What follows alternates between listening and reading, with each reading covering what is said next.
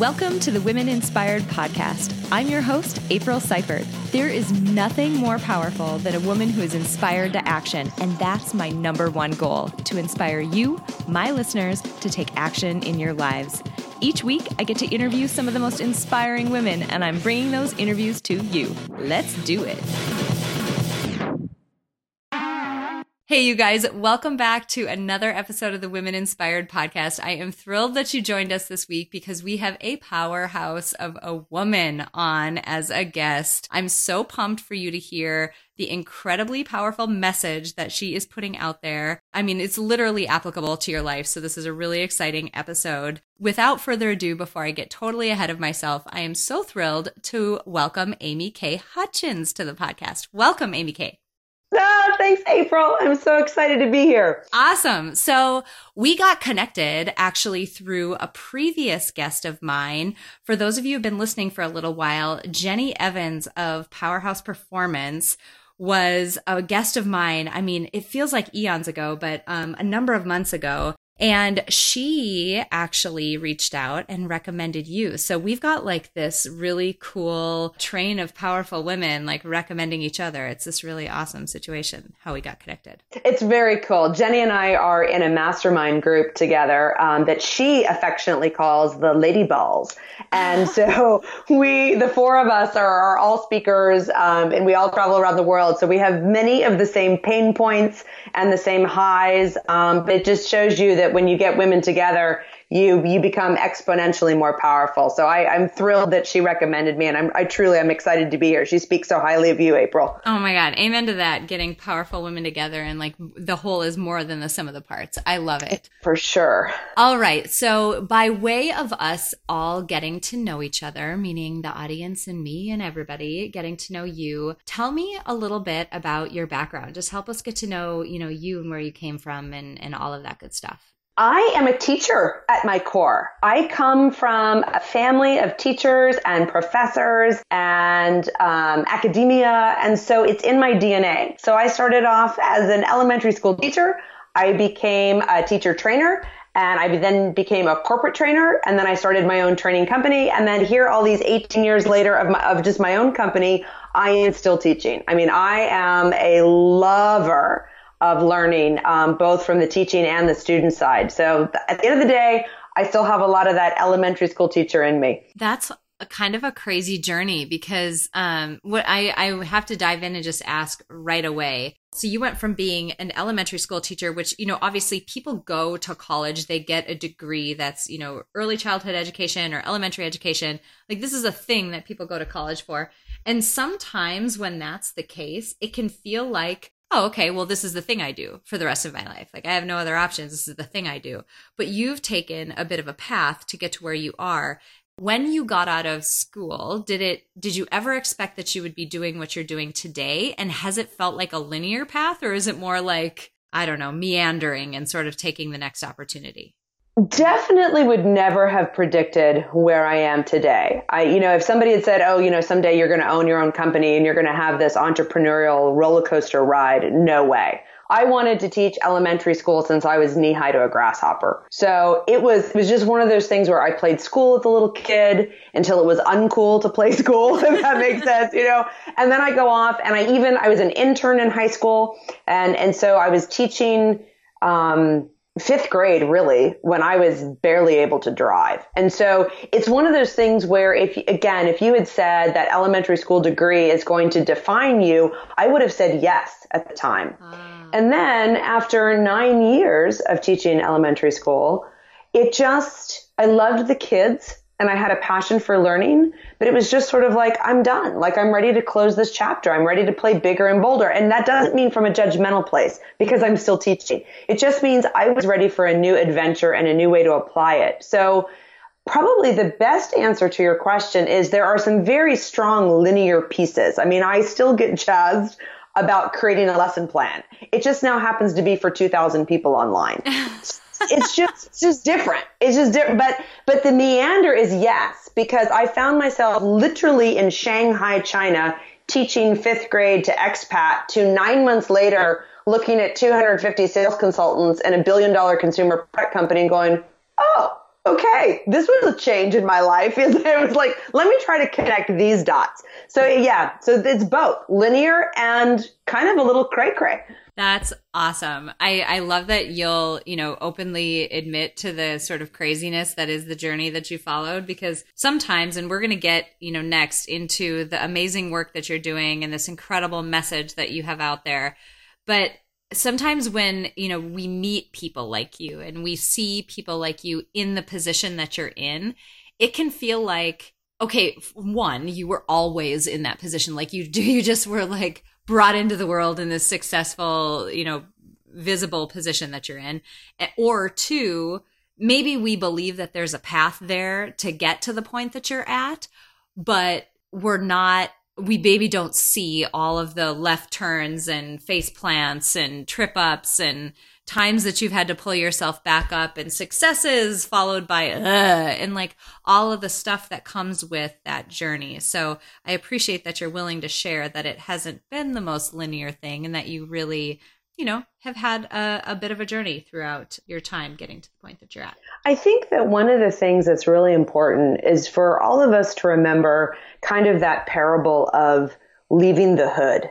Mm. And what I mean by that is at some point you do have to say goodbye to that those limiting beliefs and the limiting expectations that you can only be and then fill in the blank. And so I am not the only one um, over the age of you know 30 where somebody has walked up and said, well, how did you get here? I mean, like you were, you were just, and then they fill in the blank. And so one of the jokes that I'll say is that every single one of us, you know, has elementary school limitations that we need to let go of. And so, um, in fact, it wasn't too long ago when one of the leaders that I was working with, he was like, yeah, you know, the other day I ran into a childhood friend and like, how on earth did you get to be CEO of the bank? And he's like, um, I went to school and I worked really hard and I worked my way up the ladder and like now I'm 48 and this makes total sense. And I'm like, yeah, because everybody wants, you know, glue sniffing Gary to be glue sniffing Gary from when they were six mm-hmm. years old. Or, you know, some woman will raise her hand and she'll be like, oh my God, you were glue sniffing Gary. You know, I was Booger Barbara. And it was like, that's right. We were all five at one point, but who you were at five is not going to define who you are at 55 if, if you choose for it not to. Uh, we're going to have so much fun. Oh my God, we're going to have so much fun on this episode. Okay, I'm totally ahead of myself.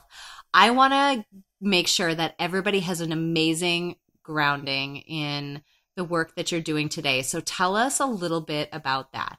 My background is in the brain. And, and before everybody shuts off, I promise not to get too dorky. So um, I really went back to school to study cognitive science, how we think, how we yes, behave. Yes, we're going to have so much fun today. I'm so excited. And, and I, I love what I did. No, no, no, no. I'm passionate about I mean, I'm, it, it seems like it's so dorky until you realize that it, it affects everything. Yes. Like, so let's let's start with the fundamentals. So I I really have like one core premise that I start everything on, and and then it leads into some more some complex nuances. But I really do believe that life is happening one conversation at a time. And I think that we are responsible for the quality of these conversations. And so if life is happening one conversation at a time, then we're responsible for the critical thinking that's going on inside. We're responsible for our own triggers and reactions, our own behavioral responses. You know, are we fully present? Like the list goes on and on and on. And that leads to, you know, self-awareness and emotional intelligence and this huge leadership thing that I'm all jazzed about.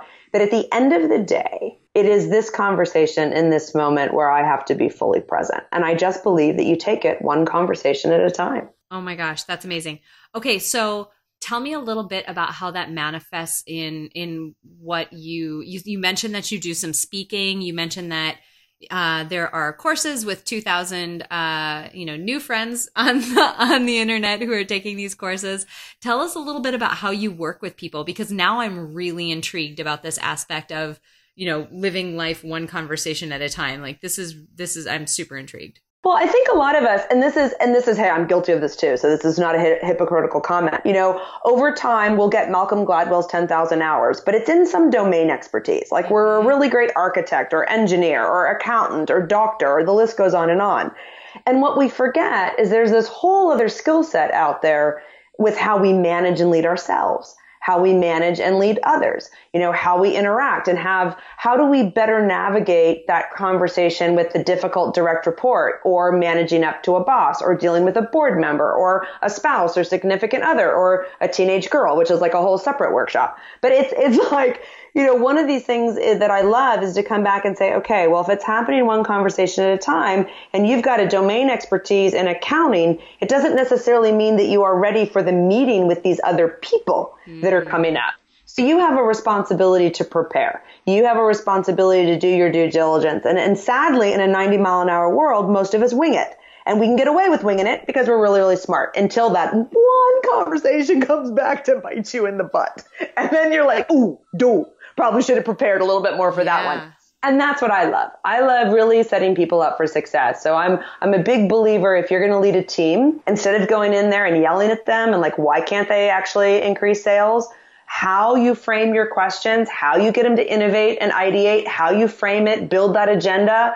That's what I love to teach. Interesting. Okay. So I, I mean, that begs the question for me what do you you're right. Most of us are winging it. Most of us are not thinking as intentionally as it sounds like you would hope people would think about the conversations they're having about the context and the audience and the people they might be speaking to and, and the situation that they're coming from. What is what are some of the common i don't know pitfalls or just areas that get overlooked that you've encountered as you've worked with people over the years I, I, think a really great place to start is the quality of the questions that we bring to a conversation. So if I were to say to you, and you can share anything that you want, anything that you feel comfortable with. If I were just to say to you, what's one of your biggest objectives this year? Like, like, like April, if you were to sit back and just say, okay, here's one thing I really want to accomplish or achieve this year, what would it be? I really want to grow the ability of the podcast and some really fun not to be cryptic, but really fun, amazing things that are branching out of the podcast. I want to grow it to be very large because I really, in my heart and soul, believe that it can help people.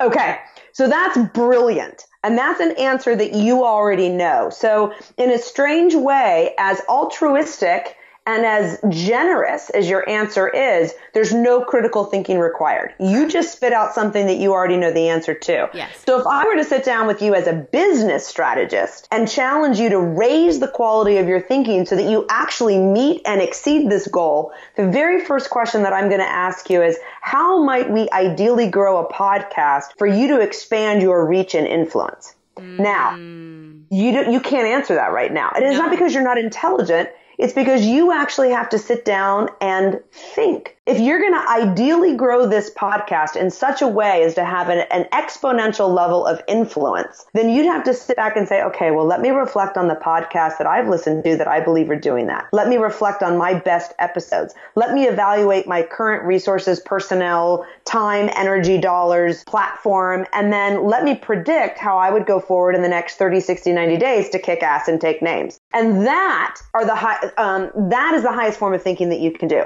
So reflection, evaluation, and prediction change the game.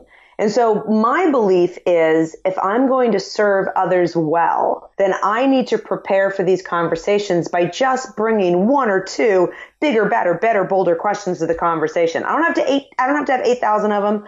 I don't have to have interrogation tactics, but I need to show up ready to say, Hey, you know what, April? If I really care about you and I want to serve you and I want a better outcome, then I'm going to have one or two really good questions that I've taken the time to spend maybe three to four minutes it doesn't take long, but it does take three to four minutes to say, I care enough about you. I'm going to bring two questions to the table. I, I like, I'm sitting here a little bit dumbfounded because where my mind went is obviously, yes, the questions that you asked me about the podcast, like, yeah, I would have to sit down and critically think if I were going to do things differently than what I'm doing now to get to you know, expand the reach beyond where we're at today, what would I do? That would require critical thinking. And then I immediately went to, okay, well, what's the next? Because you're talking about, it sounds like you're talking about all conversations. So what's the next conversation that I'm going to be in? And how many times, like, we we talk to people you know close relationships with us spouses partners we talk to close friends and family members and that type of thing and i can 100% see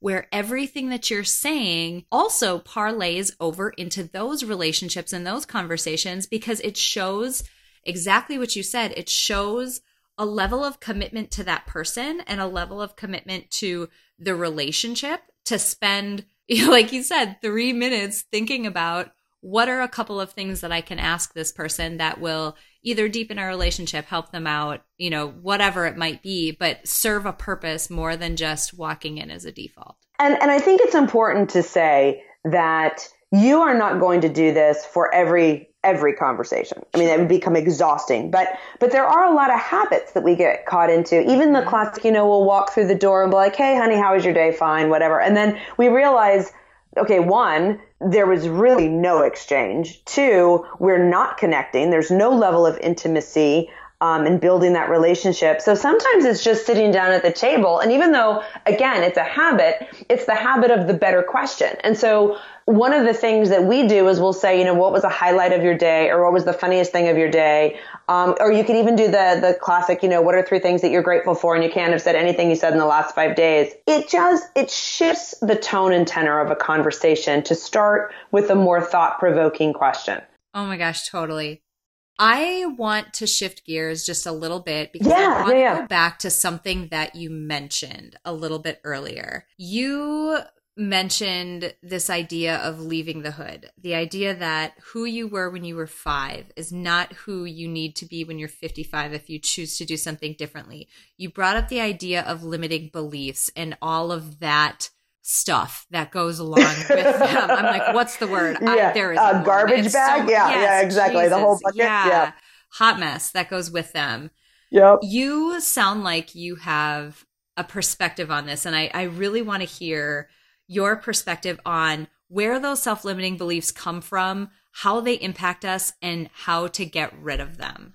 Oh my goodness. Okay, so this is this is turning into like an eight hour call. Um, I think I think that this is such a big topic for all of us because we're not alone. I mean, we're it's just you know, one of the myths, so maybe I'll start with the myth. One of the things that I think that all of us are told when we're little is that like you're going to grow up and you're going to be happy. Like life is going to get easier. And and that myth is sold to us sometimes just in our own false assumptions of, you know, we think that adults have more control um, because they certainly have more control than we do when they're telling us like where to go and what to do. And they make money and they have jobs. And so we see all of this as, oh my gosh, like when I grow up, I'm going to be incredibly happy. And then you realize when you get here, oh my God, it doesn't get easier. Mm-hmm. It gets mm-hmm. harder. Totally. And so I think that the skills that have really helped me are the ones that I am now teaching. And so, you know, like once the student, now the teacher, and it's not like I've learned these lessons. It's a lifelong journey. Like you're constantly be serving up, you're constantly being served up lessons. But I think that part of the letting go is that ability to have that conversation with yourself. And so one of the things that I was taught a long time ago is this concept of being a witness. And a lot of people call it different things. I think the person that I learned it from at the time was watcher. And then I, I kind of morphed it into my own tools and my own vocabulary. But the idea is not to argue with the fact that you're human. So let's just say something frustrates you, something makes you angry, something makes you jealous, something fills you with shame, the first thing that we try to do is we try to repress that. Mm-hmm. We hmm. try to say, oh, I should be bigger than that. I should be bigger. And I have found that it is the opposite that actually allows you to work through those feelings and those nuances faster. And that is to own it and to say, okay, I'm human. So the fact that I'm responding with a little bit of jealousy or a little bit, a bit of frustration or um, a little bit of shame, that's normal. And so the first thing that I like to do is shift the conversation to say, okay, that was my reaction and that's human. But I am bigger than my reaction. I am the witness to this. And, and, you know that you're the witness. Like you can visually see yourself rising above your reaction, your above your behavior, above your emotion to say, okay, I am bigger than this. I can see this. So now let me start to work through this. Let me have a conversation with myself where I, where I look at something and, and to me, it goes back to questions. So when somebody's anger, ang, uh, or anger gets triggered, so to speak, the first thing that I will ask a client is, okay, stop honor the fact that you're human and now be a witness to it. What's been broken? Mm-hmm. Like what, what, what assumptions have been made or what boundaries or core values have been trespassed upon? And then after what's been broken, then I say, well, then what must be restored and how might we restore it? And a lot of times, and this is, I know I'm on a, on a, um, a tangent, but this is a good one. A lot of times women will say, I am unbalanced. And I am craving balance. And I will look at them and I will honestly say to them, okay, that's human, but I'm going to tell you right now, the more you search for balance, the more cray cray you're going to be mm. because you're going to realize it's elusive and you can't catch it. So there's two things you have to do. You have to substitute balance with prioritization and you have to substitute balance with connectivity. So instead of trying to get balanced, I'll again have a conversation with yourself. Who or with what do you need to connect? And, and it's like, and, and you can just see the light bulb go off. It's like, you're right. I don't need balance. I need connectivity over here, or I need to get connected with this over here. And so it completely puts you back in control. Holy cow. No, that was a totally worth it soapbox. I love it. Yeah, I and I agree. I, I could talk, it. I could totally talk about that kind of thing for eight hours as well, because I feel like it's something that it's something that I only realized probably in the last five years, I would say, that I even had. I mean, like, we grow up through our lives thinking that all of us probably feel this way that not all of us, maybe a lot of us feel this way that the way that we grew up, I mean, this is totally normal, right? Everybody grows yes. up this way. Like everybody has these sort of cultural assumptions and aspects to our family. But as it turns out, not everybody's situation is like that. Not everybody moves into adulthood with those same assumptions and those same ideas of what our capacity and our limits are. And, you know, we do bring those limiting beliefs into adulthood with us, and it's worth it. I will say over and over, it is worth it to figure out what those are that you have and work on them. And I mean, do the work that you have to do to push back push past them because life on the other side of them or life even moving through them, I would say. I don't even think I'm on the other side of the ones that are really difficult boulders for me. It is so worth it. So I love that you went down that path because um, it's something that every single one of us struggles with in our own unique way. And it's so worth taking the time to figure it out. Amen, sister. Amen. I mean, it's like I would just sit here and say, like, preach it. Because one of the things that I think, and this, I would, I am a late bloomer. I, I'm the first to admit that. Like, if I could go back and redo my 20s and 30s, it would be, you know, I mean, and it's not that I have regret. So, I mean, I, I love, I love, love, love that I have evolved um, to the point that I have and that I'm still evolving. And so, you know, I, I just wish that I had known some of this stuff a lot earlier. And so I think that, you know, one of the things, and I'm, I'm probably going to be a little bit controversial when I say this, but it's just my truth. I think that women are extraordinarily competitive, mostly with other women. Mm. And, I, and I find that such, such a disappointment that we're still there because I think that when women are the first to embrace each other and hug each other and say, look, you may look on the outside like totally amazing and that you have it all together. And I'm sure that you do have a lot of things together. And I know that in order for you to be in this spot, you had to have had a journey. Like you have to have tales of adventure. Like you have got to have some type of color in your profile that says, I didn't just show up this way. And that's what makes you unbelievably awesome and interesting and amazingly quirky and lovable. And so I think that if women would just kind of put the judgment down and say, Hey, tell me your story. Tell me your tales of adventure. I'm like, you look like this badass now, and I'm sure you've got a tale to tell me how you got here. I think we'd be further faster than if, if we, if we instead, you know, a lot of women will look at somebody and they'll be like, oh, you know, I could never approach her. She's got it all figured out. Well, I bet if you scratch the surface, she would be somebody you'd want to have a glass of wine with. Yeah. No, I've definitely encountered that competitiveness. I've definitely had that competitiveness at I, I would say much more so earlier stages of my life. I'm embracing these amazing. I mean, this podcast has been transformative. I thought I was there at the beginning of starting this podcast, and I have now interviewed over 50 incredibly powerful, incredibly accomplished women. And every single time, if you you know, the audience that's been following me from the beginning or those who have just started, every single episode, every conversation, doesn't matter what they've achieved, every person has a vulnerable spot. Yes. Every person, again, has made mistakes that they're willing to own up to. And I, you know, we mentioned Jenny Evans before, and I'm going to mention her one more time because there is something that she said during her episode that literally I don't even have to go back to notes. It just echoes in my head and it is so relevant here. Something she mentioned in her episode is that one of the gifts that we can give people in situations like that is our willingness to be vulnerable ourselves because when we do it, we're basically giving, you know, maybe maybe I walk into a room and and for that moment and that day in that particular context, I'm the person who looks like they have their shit together. When I yep. walk into that room and I'm willing to say, damn, I fell on my face this morning. Like, wow, that was bad. Or like, I set this goal and I didn't achieve it. Or this is how I struggled before. Or here's what I'm dealing with, right now. When we show our vulnerability, we give permission to other people to do the same thing. And that grows those connections to other women, especially so quickly. And that bond becomes so strong because it's, it becomes this like safe place where we can all completely be ourselves without this worry of, you know, so much of the backlash that you can get in other dumpster fire places that some oh, of yeah. us end up at.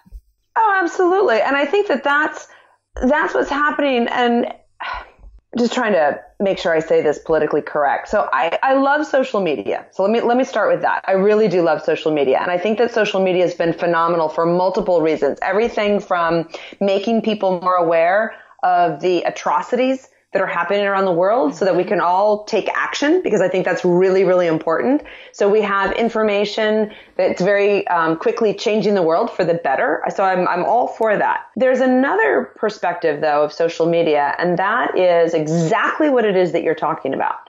It is a lot of noise out there where people aren't being vulnerable. So it's the I post the picture when my makeup is perfect, or I post the picture when I win the award, or I post the picture when my you know my kid has the lead in the play. Nobody that I've seen post the picture of hey, I just scooped poop off the kitchen floor. Like it's you know, you don't get that selfie of, hey, you know, my cat just yacked a fur ball up and here I am cleaning it up. And, mm-hmm. and I think that one of the things that we have to be really careful of is something that I call the comparison condition. And I, and I bring it up, I bring it up in my book. Um, and this is not a sales pitch because I'm going to talk about it. You don't have to buy the book, but I do have a whole chapter on this because it is ubiquitous. And, you know, America used to be number one in math and science. And I am serious about this. You know, you go back, um, not that long ago, and compared to all the other countries in the world, the United States rated number one in math and science. Well, you know what we rate number one in now?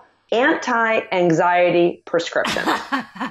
and so, and again, and this is not, this is not a comment if you are on an anti-anxiety prescription because you, you need it. And I, and I, hey, you know, better living through pharmacology, go for it. But my point is that the reason that I think our prescriptions are so high is because we hop on social media and we've just run a Costco. we we're exhausted. We're drained.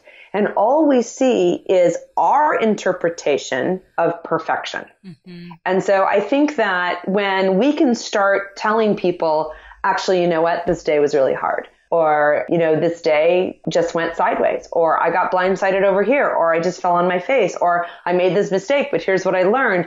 That's when the truth surfaces. And I think that when truth surfaces, we feel connected, we feel more approachable. We feel like we're not alone. And that is actually very grounding. Yeah, absolutely. Well, I, I heard somebody say one time regarding social media that you know, we are all privy to the good, bad, and the ugly of our own lives. We see the exciting, amazing moments where we've achieved something, and we see the super boring ones where I'm like doing dishes and cleaning up after my dog in the morning and chasing, you know, a toddler around trying to get her to you know, put a shirt on for, you know, five minutes. Like we see those moments that are not glamorous and then we compare our full perspective of our own lives, which is mostly just sort of everyday stuff. We yep. compare our perspective of our own lives to everyone else's social media highlight reel. Yep. And we come up short, of course. Of course. Well, I mean, if, you know, I, I always joke, if I'm going to go stand next to the Hollywood award winning, you know, actress when she's in full gown and makeup and I just rolled out of bed. I mean, it's, it's like, oh, well, I thought I was, you know, somewhat cute until, until I saw this photo, you know, and so I think that, and, and again, this is really important too, because this is an inside job. And, and one of the things, and it's not about asking other people to stop posting perfectionism, quote unquote. It's about making sure that you're doing the work on the inside. So one of my favorite quotes is by um, a gentleman named C.S. Lewis. And C.S. Lewis says, praise is inner health made audible. Mm. And I love that because when I am genuinely excited for you, when I'm genuinely happy for you, when I can genuinely praise you and support you, I am coming from a place of peace. And so this is the work and this is like everything that I do is when I, when I work with leaders, I'm a business strategist, blah, blah, blah. It all comes back to really one thing. How are you invested in yourself? How self-aware are you? How grounded are you? How are those conversations going inside your head with me, myself, and I? Um, because I think that's where it, that's where it starts and stops. Is what's going on with you? Absolutely. So, and you went in a direction that that's exactly where my mind went. So we're talking about social media comparison, right? And we're talking about standing next to you know, some perfect Hollywood person when you're not looking your best. Or maybe you show up to a lunch with a friend or somewhere with a coworker and you're just not at your best that day and that person happens to be, or they appear that way on the outside. The relationship between those situations and the competition that you just talked about, I think it's interesting to think about how the inner work, exactly that, you, exactly what you just mentioned, how that can either make or break whether those feelings of competitiveness crop up when we're feeling like we're not at our best. Because if you've really done that inner work, you can realize that that is a situational thing for both of you. I mean, that person doesn't, you know, what's her name? Charlize, Charlize Theron, whatever. Mm-hmm. Yeah. Yes. She doesn't look like that every day at all. Probably most days she doesn't look like that. And it's a situational thing for her to look amazingly beautiful at the Oscars as is as it is a situational thing for you to just sort of be in the dumps one day. But that inner work can help quell that competitiveness that could crop up if you're starting to look at these things as though they somehow define her and define you and define your standing in the world relative to each other. Well, and I think that that's, that's a brilliant segue to then the next, the more evolved perspective then. So let's just, just take it one step further is that at some point we also need to be really comfortable that Sans makeup and Sans gown were probably even more beautiful. Yeah. And so that's, that's when like I sometimes like the the most beautiful moments that I see in other human beings are when you know all the masks are removed and the shells are removed and and you know and you're just sitting there and you're looking at this this gorgeous human being and you realize you know, Sans lipstick, you're stunning. You know, Sans hair all done up, you are stunning because you are exuding from a place of joy or you're radiating happiness or you're radiating confidence. And that to me is like the whole next level of if I just show up totally grounded, it really sort of doesn't matter what I got on. Oh gosh, amen. A freaking man. I want to go to another place uh, on social media that eh, sure. well, social media and other places. I mean, it's kind of like social media and then everybody you hung out with when you were in elementary school. They okay. they can kind of lead you down this road. I'm gonna I'm gonna use the use your current situation as an example. You have you have a unique career, right? Like it's not it's not one of the five things, one of the five jobs you could name when you were five years old, like doctor or teacher or fire you know, fighter or whatever, librarian. I mean, you can name like five things. It's definitely not one of those. It's likely not the same as many of the people that you um, grew up around.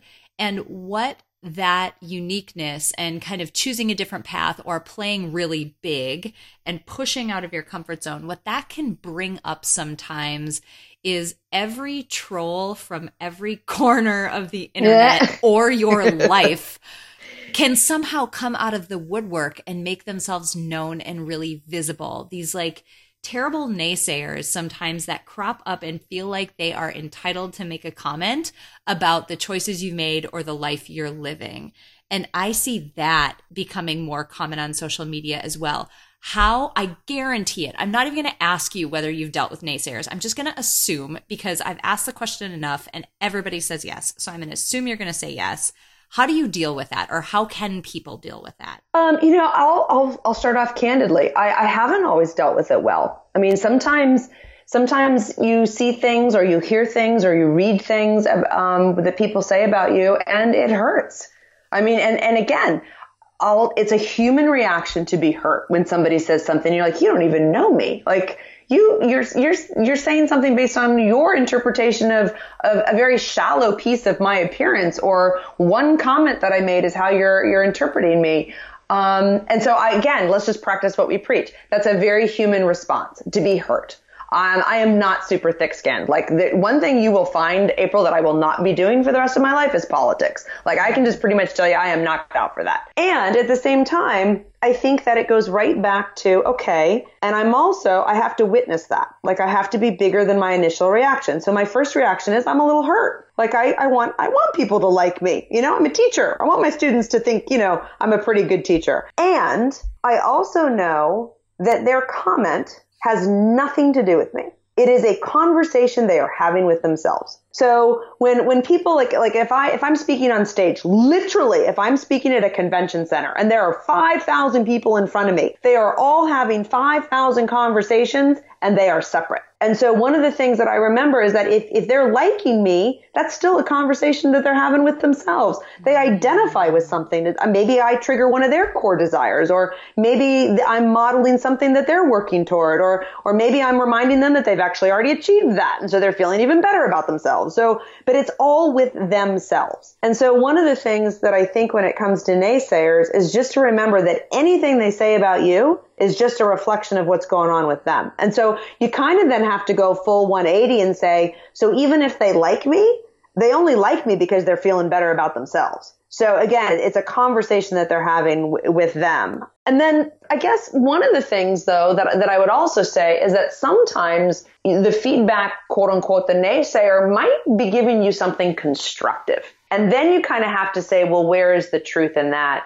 that would help me evolve. Um, and so I have a very, for, for a little tiny person, I have a very big personality. And I never see that until I look in a photo. I mean, I always feel like I, I'm like towering over somebody. And then I'll see a photo and I'm like, oh, I was a foot shorter than they are. so I'm like that little chihuahua with a very big sense of self. And, but one of the things that somebody said to me, and this is, this is going back now to when I was 19. So we are going back a long time. Somebody said to me, I find you overwhelming. And it was not a compliment. And so I remember being really hurt at first and being young. I was very young for 19. I was not today's sophisticated 19 year old.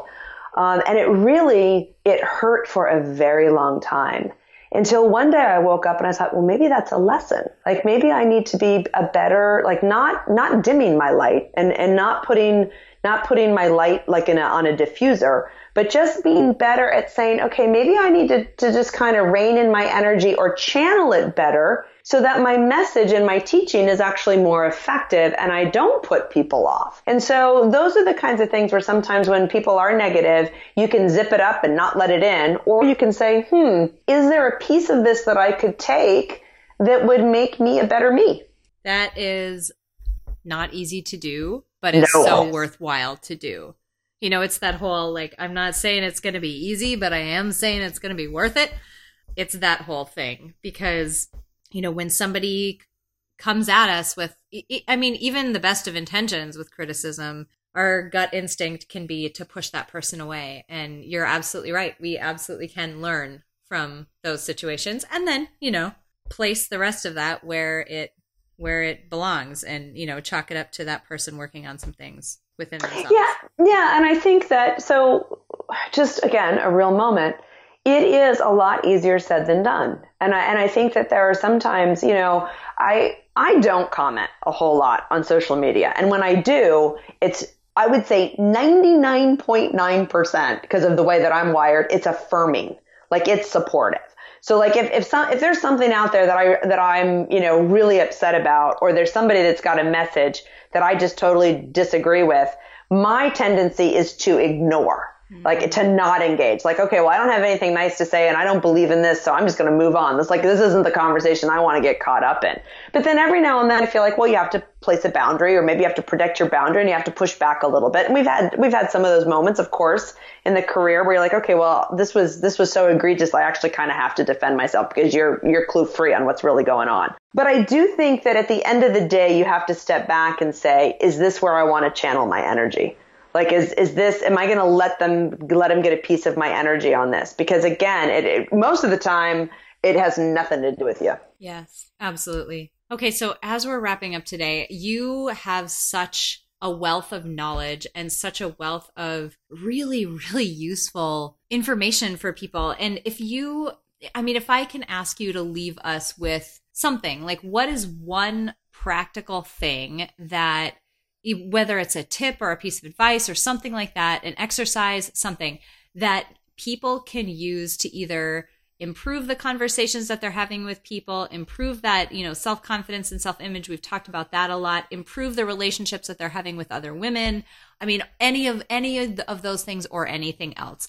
This, you know, one nugget of, you know, practical knowledge that you can leave with people that they can apply. I will keep it really simple. I think that every time that you are navigating a very difficult or critical conversation, just remind yourself that everything that comes out of your mouth will only do one of two things. It will help or it will hurt. And just remember that. So, so before you speak, before, before you get ready to react, just remind yourself that everything that you are about to say or do in that conversation can only do one of two things. It's either going to help or it's going to hurt. I love that. I love that. It makes you think a little bit about, you know, how, especially in important situations, how you might prepare exactly as you were mentioning before. Okay, so I know that after this conversation, people are going to be really curious about where to find you. where can people find you and your book and your work and all of that amazing stuff? Well, we're going to keep it easy too, because I believe in, I believe in that. So it's four letters. So it's my first name, Amy K, A-M-Y-K dot com. So amyk dot com. And then I, you, I mean, you can learn all about us there. Obviously, I love, love, love what I do. We have a book. You can find the book, The Secrets Leaders Keep on Amazon. You can get a link to that from our website. And then what I'm most jazzed about right now is that our next online program, which is Own Your Conversations, starts um, the cart and all the whole registration and all that. Um, so uh, amyk.com forward slash OYC that will be up on April 25th. And Yay. so we're super excited. I know, I'm so excited. And so that's, that's like taking everything that I've just said and like timesing it by a hundred, everything from the conversation at, you know, at work to the significant to even changing the way we text to get a little bit more romance to our sales conversation, like everything under the sun, owning your conversations. And so this is an intense deep dive course, but I'm super excited because I'm a big tool girl. So I, I, believe in tools, making it practical, making it simple. Yes, absolutely. Oh my gosh, you guys, I encourage you to check out Amy K's website. It is awesome. I, I mean, like, I love the juxtaposition that you have on your website, by the way, about, you know, succeeding in work and then actually being happy in your life and all of those. Said, like, I was just standing up and cheering as I was looking through it. And it's so Yay! exciting about, about your upcoming class. That's awesome. Thank you for sharing that with us. Uh, so I have one final question that I ask every single person who's been on the podcast. Um, and that is for your favorite motivational song, because we are compiling a Spotify Power playlist of motivational songs that have been curated by all of my amazing, incredible, inspiring guests. So I have to ask for your contribution. Oh, fun. Okay. So I'm a huge music junkie. So I have lots and lots of playlists, but one of the ones that actually gets my, you know, my butt shaken and, and my boogie on is the Black Eyed Peas. I got a feeling. Yes. That's awesome. I don't know how I like, I don't know that it's possible to put that song on and not like do a little bounce dance to it. Like, exactly. it's not possible. It's such a good song. I love that contribution. It has been wonderful to get to know you. Jenny sold you short. I mean, let me tell you. I mean, she told me you were amazing and awesome, and you've just blown me away. So I am thrilled to have you in the fold and to share your your story and your um, message and the work that you've been doing with my audience. It has just been wonderful to get to know you. So thank you so much for coming on. Oh, thanks for having me. I'm truly humbled to be here because you have some extraordinarily um, inspirational women. So I just, I feel honored to be included. So thanks. Okay. Seriously, you guys, is she not awesome? I mean, honestly, is she not awesome? I was so thrilled to be connected to Amy K a couple of weeks ago as we were trying to set up her episode, but I am even more thrilled now having had the chance to talk to her and dig into her backstory and dig into the work that she is doing. Oh my gosh, I hope you love this episode as much as I loved talking to her while we were recording. As always, there are a few things that I want to call out from this episode. Number one, I loved the approach that she talked about when, you know, we might stumble and fall or we might have a reaction to a situation that, you know, we're not reacting in a way that we had hoped that we would. Maybe we thought we would be better. We thought we would react better. We thought we would perform better. And I love that she started from a place of saying, you know what? Let's just accept the fact that you are a little bit disappointed in your own performance and accept the fact that it didn't go the way that you wanted to and accept the fact that you are human. Oh my God, we expect ourselves to be superhuman all the time. And I love that she just called it out right there and boiled it down to the basics. Accept the fact that you are human.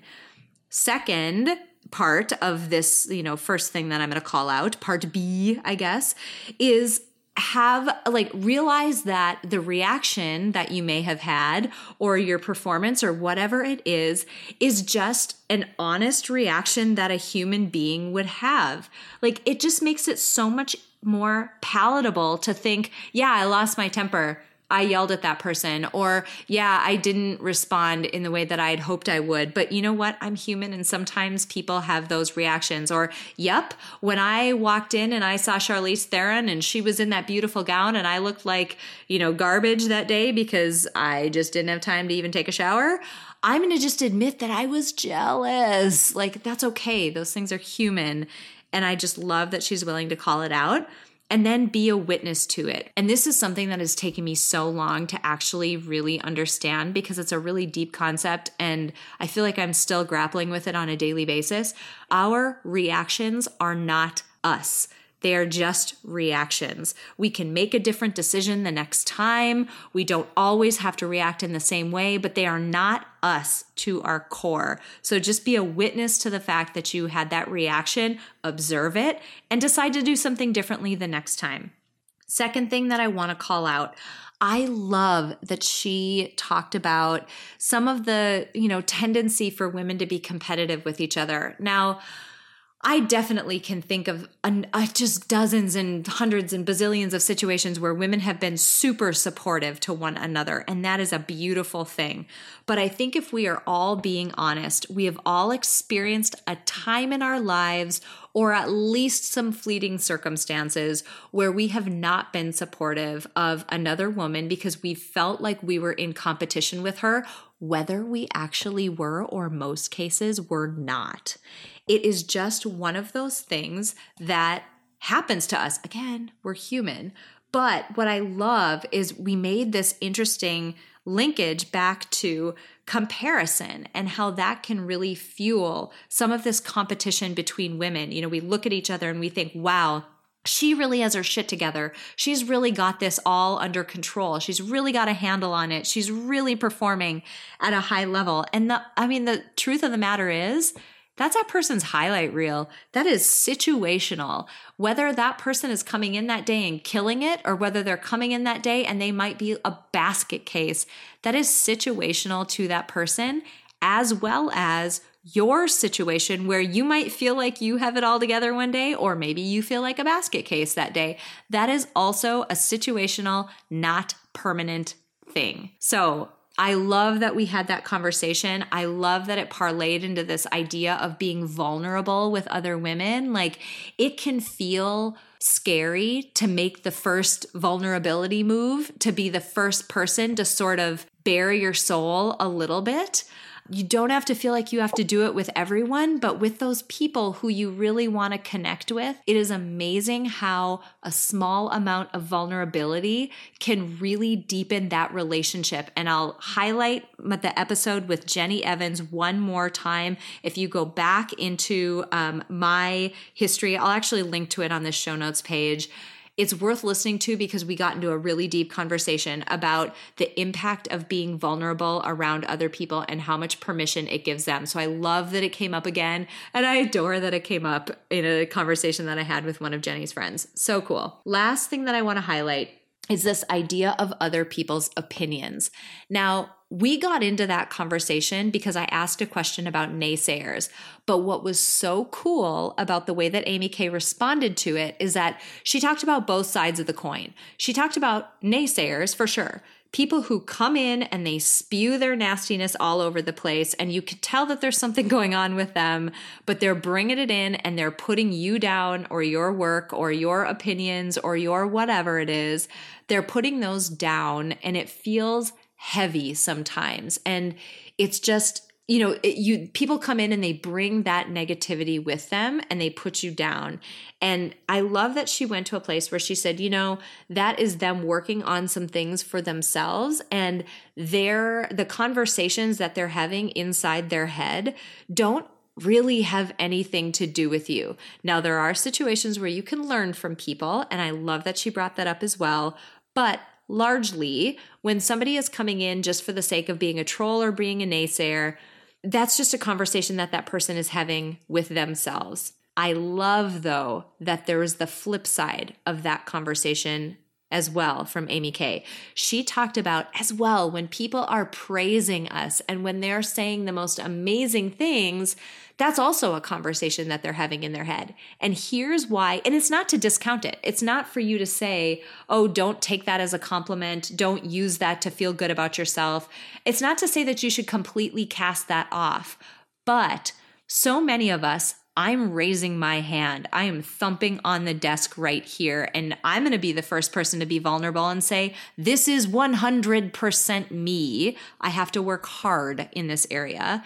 So many of us are swayed emotionally, drastically by the feedback we're getting from other people, whether it's positive or negative. And the difficult thing about that is that means that your emotional state and your feelings about yourself are very dependent on the context that you're in, the people that you're around, and how those people are doing that day and the conversations they're having with themselves. And that's not a stable way to build self confidence and self esteem. I'm speaking from seriously personal experience here. This is something that I work on on a daily basis. When somebody gives me a compliment, unabashedly, I will say thank you, but I have to remind myself, like, okay, you know, this is one data point and this is one piece of evidence, as is the negative side. How do I feel about myself? How do I think I did? In that situation. I think I did really great too. Great. High five me. Good job me. But, you know, those pieces are just, you know, one element to take into consideration, but the stability of how we're doing emotionally should come from within. I so hope you guys loved this episode and I hope you will check Amy K out on her website, amyk.com. Before we close out today, I want to say thank you to my producer, Cameron Hill. If you enjoyed this episode, please share it with someone else who might benefit from this content. And if you have a moment, click the link in the episode description to leave me a rating and a review on iTunes. It would mean so much to me. Finally, if you're ready to start making changes in your life to align your day with your goals and your values and what fills you up, I have a free tool to help you get started. Sign up at aprilseifert.com to get immediate access to my free Life by Design life blueprinting tool. I designed this tool using theory from the fields of psychology and design thinking, and it will absolutely help you get clear on the areas of your life that are serving you and those that aren't. Clarity is a critical first step before you can design your own best life. Thank you so much for joining me this week. Until next time, have an inspiring week.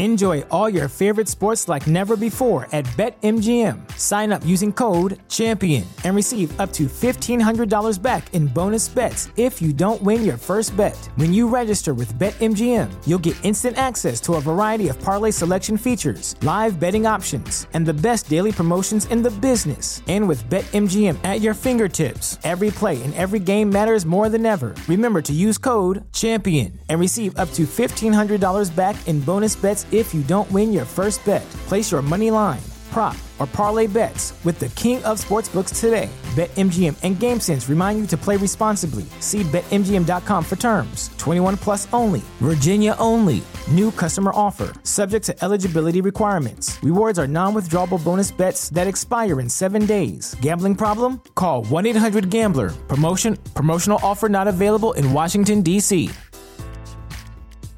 At Parker, our purpose is simple. We want to make the world a better place by working more efficiently, by using more sustainable practices, by developing better technologies. We keep moving forward. With each new idea, innovation, and partnership, we're one step closer to fulfilling our purpose every single day. To find out more, visit parker.com/purpose. Parker, engineering your success.